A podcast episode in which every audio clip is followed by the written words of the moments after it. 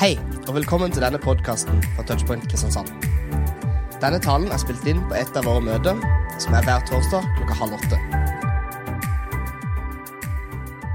Så gøy å være på Touchpoint. Det er første gangen i eh, mitt 47 år, 47-årige liv at jeg er på et Touchpoint-arrangement.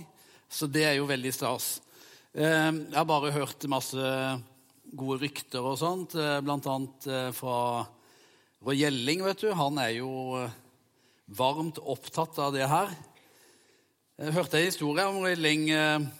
Han Det ble en stund tilbake. Han var ute og gikk bort på Jærstrendene og drømte seg vekk litt og snakka litt med Gud og henvendte seg til han sånn. Og så tenkte han at det, det hadde jo vært veldig greit da, med ei sånn, bare ei, ei bru, liksom, fra Jæren over til, til Statene. Så kunne bare heve seg i bilen og kjøre over og hente masse inspirasjon og, og sånt til arbeidet her, eh, her hjemme. Så Gud, kan ikke du bare ordne det, liksom? Alt er jo mulig for deg. Så drar Gud litt på det. Ja, men det gjelling. Aner du hvor mye sement, betong og greier som må til for å konstruere ei bru fra Jæren til Amerika, liksom? Har du ikke noe annet, noe, noe rimeligere å be om, liksom? Eller sånt? Ja, tenkte han seg litt om, da, men ja, ok da, herre. Da må du la meg bli en så god predikant som Stein Bjørkholt. Eh, var det to eller fire felt du ville ha på den brua? Nei da. eh, det er veldig stas å bli invitert, Gjelling. Takk skal du ha. Fra spøk til alvor. Eh, jeg har blitt eh, spurt om å holde en tale i denne serien som har utgangspunkt All You Need Is Love har utgangspunkt i første Johannesbrev i, i Bibelen. Og siden det er touchpoint, All You Need Is Love eh, ja, alt det greiene her, så tenkte jeg må jo ha en engelsk eh, tittel på, på talen. Så eh, den eh, tittelen er An Idea Worth Spreading. Og Da får du prøve å følge med, da. Men eh, hva kan du gjøre for å få et godt liv? Det er det jo en del mennesker som tenker på. Og det fins mange som har stilt seg det spørsmålet, og som har prøvd å utforske det og finne svar på det. Hva skal jeg gjøre for å få et godt liv? Og Det kan jo være at noen her òg er opptatt av det eller tenker litt på det. Og Det fins òg mange mennesker som har forska på det. Og En av de som forsker på det, han får vi et bilde av her. Han heter Robert Waldinger. Han leder et forskningsprosjekt som heter noe sånt som The Harvard Study of Adult Development. Og det som de forsker på i den studien, det er hva det er som De forsker, har forska på voksne mennesker. Da, litt sånn hva som, hva som gir livskvalitet, blant annet. Og den studien, Det som er spesielt med den, er at den, er, den, er veldig, den har pågått veldig, veldig lenge. Den starta faktisk eh, hele 13 år før han her Waldinger ble eh, født. Han er født i 1951, men studien starta i 1938. Og Da var det altså noen forskere ved Harvard University som eh, valgte ut eh, ei gruppe på 268 andreårsstudenter ved universitetet.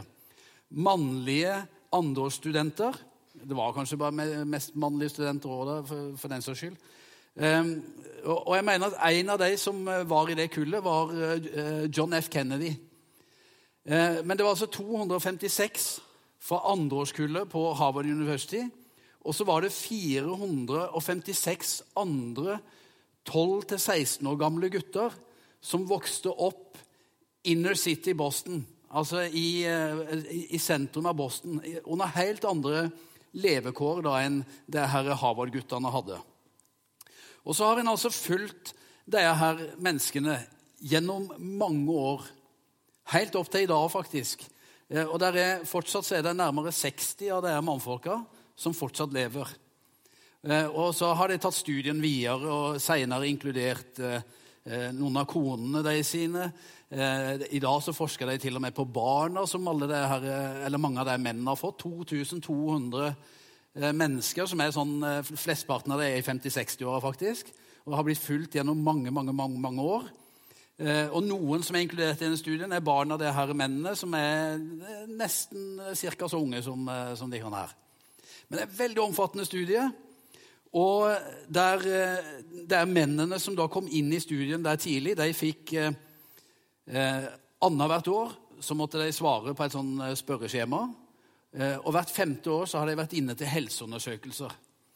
Og så har de gjort liksom alle mulige slags eh, sammenligninger og alt mulig sånt. Og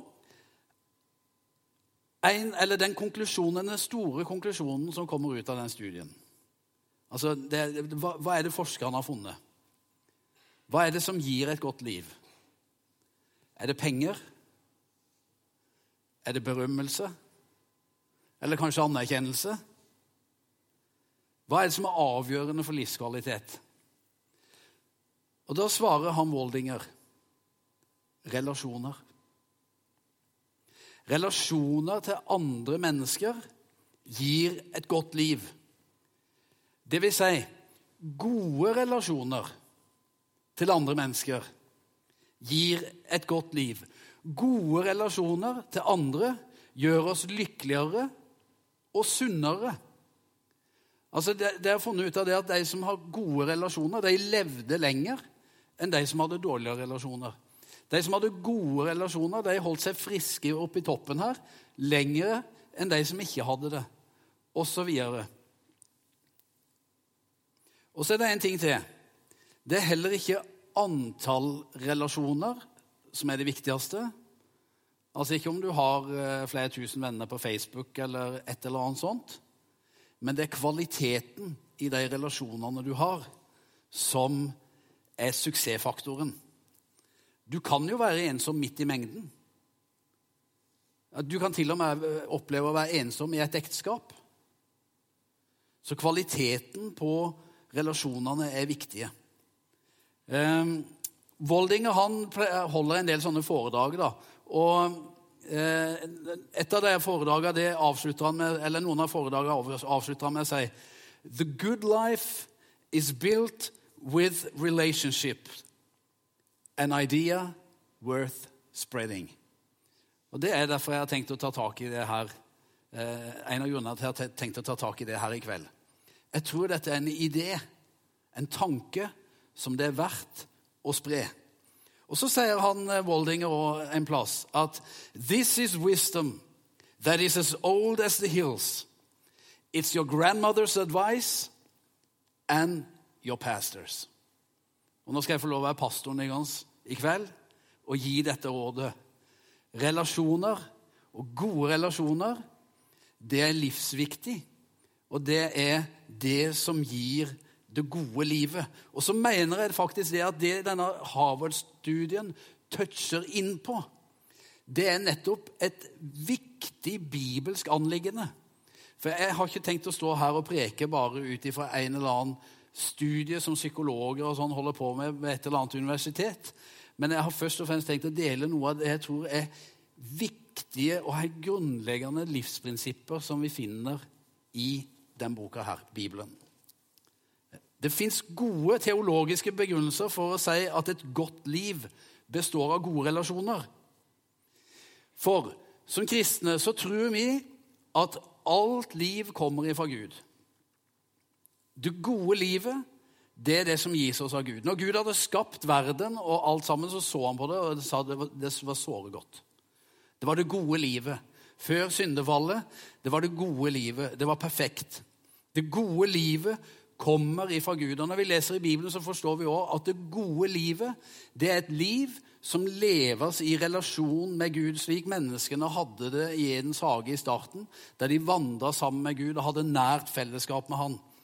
Det evige, og det evige livet som kommer ifra Gud, det gode livet som kommer ifra Gud, og som har sitt opphav hos Han, det er ikke et liv i ensomhet, men et liv i fellesskap. Noen tenker jo at Gud han var jo veldig ensom da, før han skapte menneskene. Og det var derfor han skapte oss, liksom, for han var så ensom. Men det tror jeg er ganske feilslått. For når vi leser i Bibelen, så, så, vi, så forstår vi at Gud ja, han er én Gud, men i tre personer. Det er Faderen, det er Sønnen og Den hellige ånd. Og far og sønn og ånd har hatt en relasjon i evighet. Og det har vært en kjærlighetsrelasjon mellom de tre personene i guddommen. Det er faktisk en av grunnene til at jeg mener at det er, et, det det er på en måte helt nødvendig for mitt gudsbilde og mitt syn på Gud at Gud er, er noe mer enn bare én person, men at Gud er tre personer i én. Og der det er relasjoner mellom Fader, Sønn og Ånd. Derfor er Gud òg kjærlighet.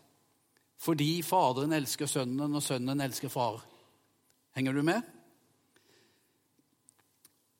Gud er en bønn som er relasjoner, gode, gode relasjoner, kjærlighetsrelasjoner. Og så ble vi mennesker. da. Vi ble skapt i Guds bilde, forteller Bibelen. Derfor så er mennesker også skapt til å leve i relasjon. Både med Gud og med hverandre. Og Meninga med livet kan oppsummeres veldig enkelt i det Bibelen beskriver som det dobbelte kjærlighetsbud. Du skal elske Herren i Gud av hele ditt hjerte, hele din sjel, av all din kraft og all din forstand. Og et annet er like stort. Du skal elske din neste som deg selv. Nå ble dette kanskje en litt lang innledning til å komme til den teksten i 1. Johannes brev som vi skal kikke på her i kveld, men den skal du få nå. Fordi jeg mener at den beskriver noe av det samme. Det er de første versene i det brevet. Og Der står det det som var fra begynnelsen, det vi har hørt, det vi har sett med egne øyne, det vi så og som hendene våre tok på, det forkynner vi. Livets ord. Og livet ble åpenbart, vi har sett det og vitner om det og forkynner dere det evige liv som var hos Far og ble åpenbart for oss.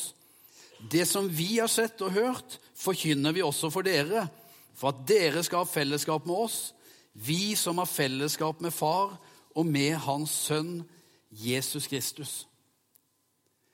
Og I den teksten her så mener jeg at vi ser fire viktige relasjoner som du og meg trenger å ha. Og Da kan vi få opp det neste bildet. Jeg prøver å illustrere dette. Mine viktigste relasjoner er kalt det. Den aller viktigste er at jeg har en relasjon til Gud. Derfor har jeg plassert den i sentrum. Du kan tenke at hele den, den ytterste ringen der på en måte, det er meg eller deg. da. Og så har jeg en relasjon til Gud.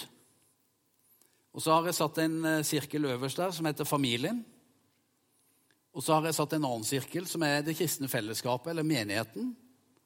Og så er det en sirkel som heter de som ennå ikke tror på Jesus, eller mennesker som ikke kjenner Jesus. Og I den teksten vi leste, så står det vi har fellesskap med far og hans sønn Jesus Kristus. Han som skriver første Johannesbrev, han forteller om det at han har fellesskap med Gud. Eller han sier vi har fellesskap. Vi er flere som har det. Som har en relasjon til Gud. Og du skjønner, kristen tro, det er ikke først og fremst læresetninger eller en masse bud og regler. Men kristen tro det, det, handler om relasjon. Kristenlivet handler om relasjon. Først og fremst så handler det om det å kjenne Gud. Det er det viktigste av alt. At du kjenner ham. Det er et godt spørsmål. det. Gjør du det? Kjenner du Gud? Kjenner du Han som har skapt deg? Kjenner du Han som har frelst deg? Kjenner du din himmelske Far, ditt opphav? Og like så viktig har du en relasjon til han?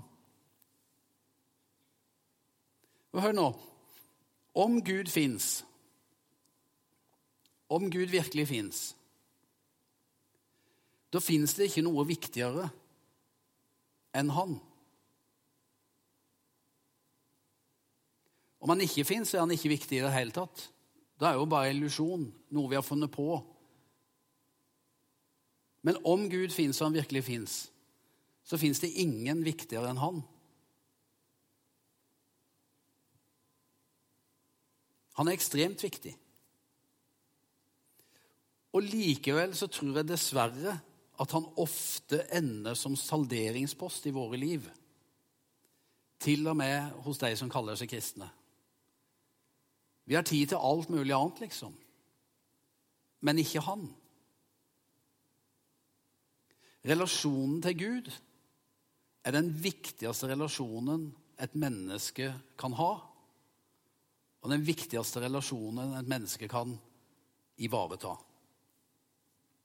Av alle ting som vi trenger å finne tid til, så må vi finne tid til å være med Gud og være i den relasjonen. Nå tror jeg at Gud er i alle ting. Men jeg tror vi òg kan gå gjennom dette livet og gå gjennom våre hverdager og totalt ignorere Han. Og det var ikke det som var tanken. Men tanken var at vi skulle få lov å ha en nær, varm relasjon med vår skaper. Så den andre relasjonen som jeg beskriver, er familierelasjonen. Og det, det er interessant at Når Gud beskrives, så beskrives han i familietermer, altså familierelasjon. Gud er far og sønn. Og Den første institusjonen som ble skapt liksom, i denne verden, det var familien. Det var Adam. Det var ikke godt for han å være alene. Han var skapt for relasjon. Derfor så, så forma Gud Eva og ga til Adam. Og de to ble ett. Det ble en familie. De fikk barn. Det er den første institusjonen som vi leser om i Skriften, og som er den helt grunnleggende institusjonen i samfunnet. Og som er den viktigste kan vi si, menneskelige og mellommenneskelige relasjonen. Da. Den du finner i familien. Og Derfor er det viktig og Nå er det ikke så mange som er ute i dette, eh, kanskje ute i arbeidslivet ennå, men eh, noen av oss har vært det lenge, og noen av oss har vært i yrker som, eh, som krever ganske mye av tid, og på kveldstid og i helger og alt mulig sånne ting. Det, for oss er det fort at familie og barn òg blir en salderingspost. At vi glemmer det litt vekk. Og Så ble jobben viktigere for oss, og så var det alle andre ting som var viktigere. Men det er viktigere å lykkes på hjemmebane enn på jobben. Det er viktigere at jeg lykkes i min relasjon med kona mi og barna mine, enn at jeg gjør karriere i yrkeslivet. Så den tredje relasjonen som jeg beskriver her, menighetsrelasjonen. For i den teksten som vi leste, så, så, så finner vi et vi. Der er et vi som snakker, som sier vi har fellesskap med Gud. Og som, og som sier at og vi inviterer andre til å ha fellesskap med oss. Og hvem er det vi-et? Jo, det er de som er kristne. Det Altså det er de som, de som har kommet til tro på Gud, og som lever med ham. Det er menigheten, det kristne fellesskapet, som er, er viet. Det er dette viet som har sett og som har hørt, og som, har, eh, som vitner om at de, de, har møtt Jesus. De har sett han, og de har opplevd han. Og det vi-et, det er òg en kjempeviktig relasjon for alle mennesker, men da selvfølgelig helt spesielt for den som har kommet til tro på Jesus Kristus. Så er menigheten og det kristne fellesskapet et, et, en helt nødvendig relasjon som du trenger å være i. Ingen kan være kristne på en måte alene. Altså, det er en tanke som er helt totalt fremmed for Det nye testamentet. Den fins ikke der. Altså, det, det, det er en tanke som det, det fins mennesker som tenker den i våre dager, men, men de første, blant de første kristne så var det liksom ikke en tanke som sneia hjernebarken engang. For det å være kristen er å leve i fellesskap, og i fellesskap med andre som tror. Og Så er den fjerde tingen der relasjon da, til de som ennå ikke kjenner Jesus. For dette kristne fellesskapet har vi jo sett opp gjennom i tida kan bli, kan bli seg sjøl nok. Og være veldig sånn innadvendt. Men det vi som vi leste om i den teksten her, de, de, skriver om at det vi har sett, og det vi har hørt, det vi har opplevd, det, det inviterer vi de andre til å komme og oppleve. Så, det, så få, Vi forteller om alt det her, så dere kan få, få, fellesskap med oss, vi som har fellesskap med far. Slik at du òg kan komme inn i dette fellesskapet der Jesus er sentrum, og få erfare og oppleve og kjenne Han.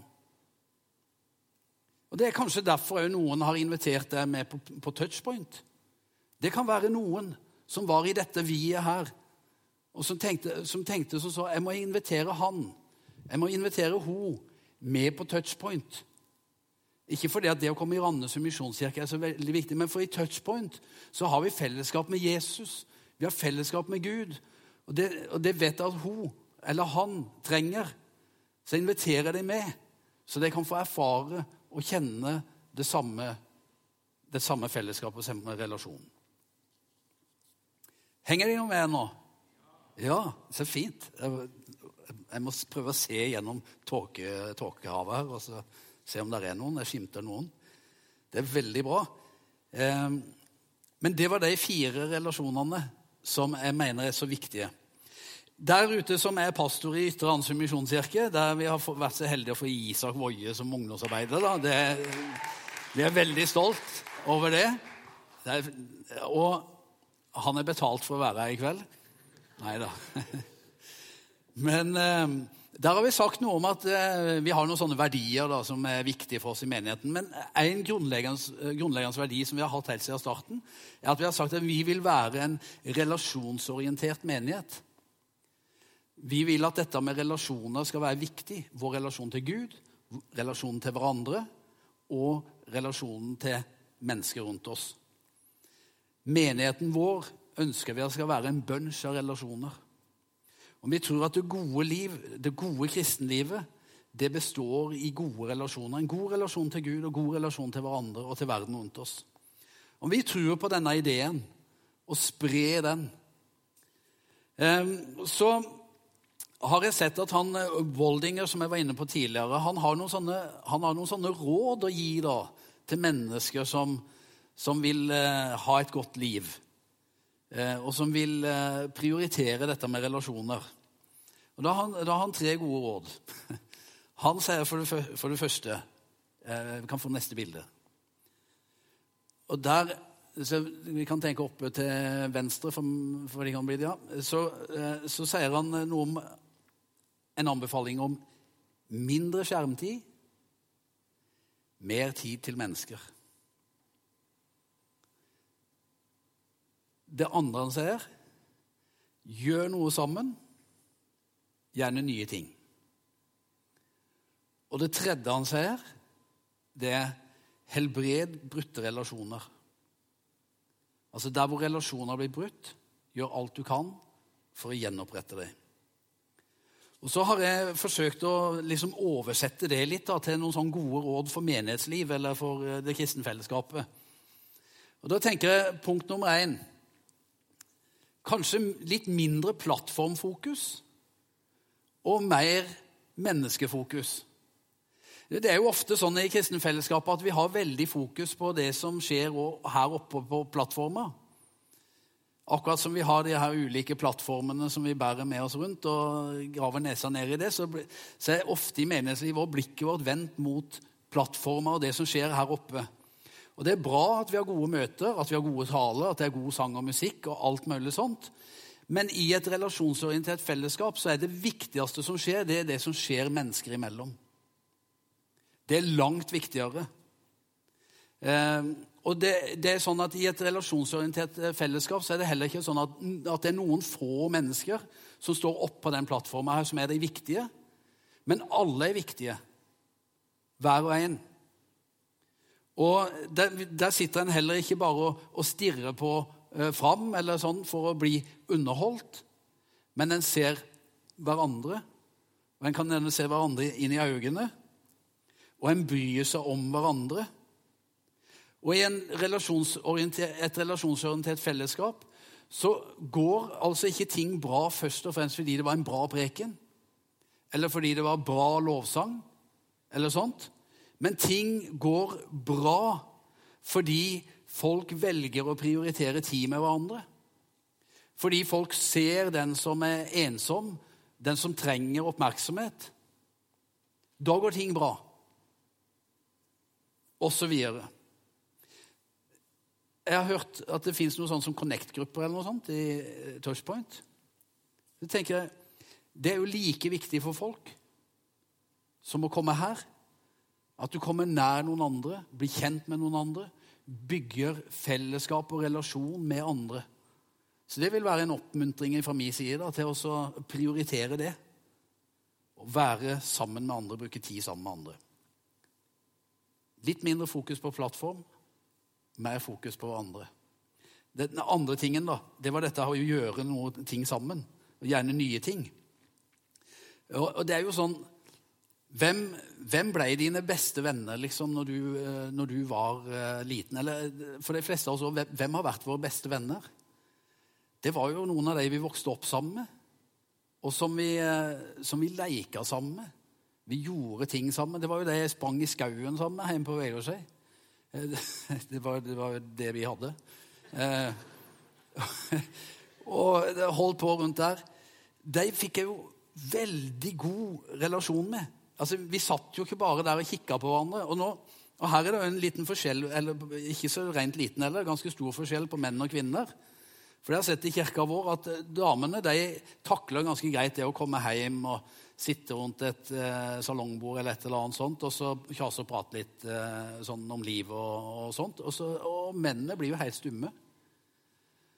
Eh, mens hvis du får eh, dratt det ut i marka eller eh, ut i en eller annen aktivitet, eller noe sånt, så kommer liksom snakketøyet litt i gang etter hvert. og sånt. Så iallfall for menn så er det superviktig å gjøre ting sammen. Jeg tror egentlig også for kvinner. Jeg tror, jeg tror for alle mennesker. Gjøre ting sammen. Da vokser relasjonene seg sterkere. Og det å ha måltid sammen. Isak han har jo forstått det. Forrige uke inviterte jeg han på middag. I dag så inviterte han meg på middag. Jeg har ikke skjønt det helt, for jeg fant ikke tid til det i dag. Men jeg kommer snart på besøk. Skal smake på, på hva gutta i nummer jeg tror 32, eller nei? I 3D, ja. Hva, hva det de har på menyen. Så jeg bare anbefaler alle å stikke innom der og prøve 3D, Marikollen 3D. Um, og måltidsfellesskap og tjenestefellesskap. Finne noen å tjenestegjøre sammen med i menigheten tror jeg er superviktig og veldig, veldig bra for å bygge gode, nære relasjoner. Gjør noe sammen. Og gjør gjerne nye ting. Prøv noen nye ting. Satse på litt nye ting. Det fins jo så mye potensial i den gjengen som sitter her. Enormt med potensial. Så jeg vil jo bare oppmuntre til det å finne sammen og så våge å prøve nye ting. Kjøre på med noen nye ting. Ta og Satse litt. Og gjennom å gjøre sånne erfaringer sammen, da, kanskje forbryne seg på noe litt sammen, så vokser det fram veldig sterke relasjoner. Det er jo noen av de menneskene som har gått gjennom tøffe erfaringer. og sånt. Altså, det er gutter som har vært på sånne helvetesuker og andre ting de kaller det, i militæret og sånt. da får jo veldig sterke bånd. De har noen erfaringer som, som, binder deg sammen for resten av livet. Det å, så det å liksom eh, ja, våge litt, satse litt, vil jeg oppmuntre til. Siste punktet mitt, så skal jeg gå inn for landing her. Og det er å legge vind på å være et helbredende fellesskap. At vi er, vi er et fellesskap der det er litt mindre fokus på plattform, på mennesker. Et fellesskap der vi gjør ting sammen og et fellesskap som legger vind på å være et helbredende fellesskap. Ehm, for noen år siden så hadde kona mi en veldig spesiell opplevelse. Hun kom hjem fra jobb, la seg ned for å eh, hvile litt, og så sovna hun på sofaen. Og mens hun sover, så har hun en drøm. I den drømmen så får hun se en mann, en mann med grått hår, og som hun bare skjønner at han, han har veldig store problemer med å sove. Og så får hun i den drømmen se eh, en eh, yngre gutt. da. Og hun kobler det til at det, det, det, er sønnen til denne mannen. Så våkner hun igjen. Så Seinere den kvelden så skal hun være med på et bønnemøte. Og da, når vi er der, så, så sier hun til meg jeg kjenner, jeg hadde, For hun fortalte meg om den drømmen, for den var liksom så veldig sånn, eh, sterk for henne. Altså, så jeg, jeg, kjenner så veldig på det med den drømmen. Og så ble det en anledning der i det møtet til å, å, deler noe av det hun kjente på. Så hun, eh, litt uh, ute i det bønnemøtet så går hun fram. Og så deler hun det. Så sier hun ikke alt hun har sett, men hun, hun sier det at um, jeg føler, jeg hadde en drøm, og jeg føler at Gud sier noe her i kveld. At, at det er en mann som har store søvnproblemer. som Gud ønsker å, å hjelpe eller møte. da. Og Etterpå da så kommer det en mann fram til forbønn. Det var ikke så veldig mange mannfolk der på det bønnemøtet heller. Men en av dem kommer fram. Han har grått hår. Han setter seg der framme. Og Så blir han bedt for av Marianne og en annen pastor som er der. Og så Når de da ber for han, så, så spør eh, kona mi òg eh, eh, har, har du barn. Ja, sier han. Og så begynner mannen å gråte. Og så kan han fortelle at han har en sønn som han ikke har hatt eh, relasjon til på mange år. Eh, og så hadde det vært veldig fint hvis jeg nå kunne ha fortalt at etterpå så har jeg møtt denne mannen igjen, og han har fortalt meg at nå er relasjonen til sønnen kjempegod, og alt går bare veldig bra, de lever sine lykkelige dager. og sånt. Det vet jeg ikke. Men det jeg vet ut ifra den hendelsen, og som jeg vet ut ifra veldig mange andre vitnesbyrd og, og sånn som jeg har hørt, det er dette at Gud vil helbrede brutte relasjoner. Og Det var det han ønska å formidle til den mannen den kvelden. At han, at han ville helbrede den relasjonen til, til, den sønnen. Og Så er det jo opp til den mannen og den sønnen da, å finne ut av det. Og, komme sammen og kanskje få gjort opp. og alt mulig sånn. Men Gud ønsker å helbrede brutte relasjoner. Han ønsker å sette mennesker i stand igjen. Jeg har lyst til å si det til deg og gi, og gi deg det håpet. Hvis du lever med noen sånne brutte relasjoner i nær familie eller med det som har vært nære, gode venner og sånt Gud ønsker å helbrede, og Gud ønsker å gjenopprette. Og Gud ønsker at vi som kristne fellesskap skal være fellesskap som formidler den helbredelsen og den forsoningen. Byrådsleder Raymond Johansen i Oslo han ble spurt under et arrangement som het Bønn for Oslo. Om du kunne bedt én bønn for Oslo som du visste ville bli besvart, hva ville den vært? Så sier han da ville jeg bedt for alle de ensomme i byen, at de skal finne omsorg og fellesskap. Det finnes så mange ensomme mennesker. Det finnes så mange som lider rundt forbi. I Oslo så er 15 av innbyggerne de oppgir å ikke kjenne mer enn tre mennesker. Tenk på det. Kjenner ikke mer enn tre stykk. Men det fins òg mange rundt oss. Og det fins òg mange rundt forbi studentmiljøer og andre sånne miljøer som er ensomme, og som trenger et helbredende og omsorgsfullt fellesskap. Og der kan vi være den hånda som strekker oss ut, og som bringer helbredelse. Um, det kjente jeg på som en sånn spesiell utfordring til dette fellesskapet i dag. Være et inkluderende fellesskap. Ensomhet dreper. Mangel på relasjoner dreper. Forringer livskvalitet. Vi kan gjøre noe med det. Og vi kan se mennesker frelst gjennom det.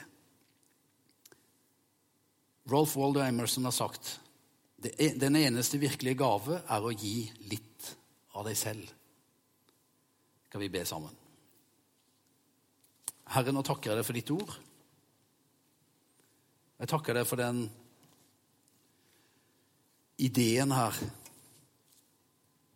om relasjoner og viktigheten av relasjoner. At det er en idé som er verdt å spre. Og Først og fremst dette her, at du inviterer oss til fellesskap med deg. Og så vil du at vi skal leve i god relasjon til vår nærmeste. At vi skal ha fellesskap med andre troende. Og at vi skal knytte relasjon til mennesker rundt oss. Og kanskje særlig de som har så få, eller som, hadde, som ikke hadde noen. Herre, du kom en gang til den lamme mannen ved Betesta. Han hadde leda i mange år, og var sjuk. Så kommer du, og du ser han, og du spør vil du bli frisk, og så svarer han men jeg har ingen som kan ta meg ut i vannet. Han var ikke bare sjuk, men han var ensom. Det fins så mange sånne rundt oss, Herre, som ikke har noen. Men vi ber Herre om å få komme slik som du kom den gangen. Og så kan vi spørre vil du bli frisk. Vil du ha fellesskap? Kom med oss. Bli med oss. For vi har møtt Jesus. Han vil helbrede, han vil gjenopprette. Så ser du, Herre, hvis det er noen her inne som nå kjenner ekstra på det med en nær relasjon som er brutt. Herre, kom med legedom og gi den enkelte òg kraft og mot, Herre, til å gå inn i det og til å søke forsoning og en gjenoppretta relasjon. Det ber jeg om i Jesu navn. Amen.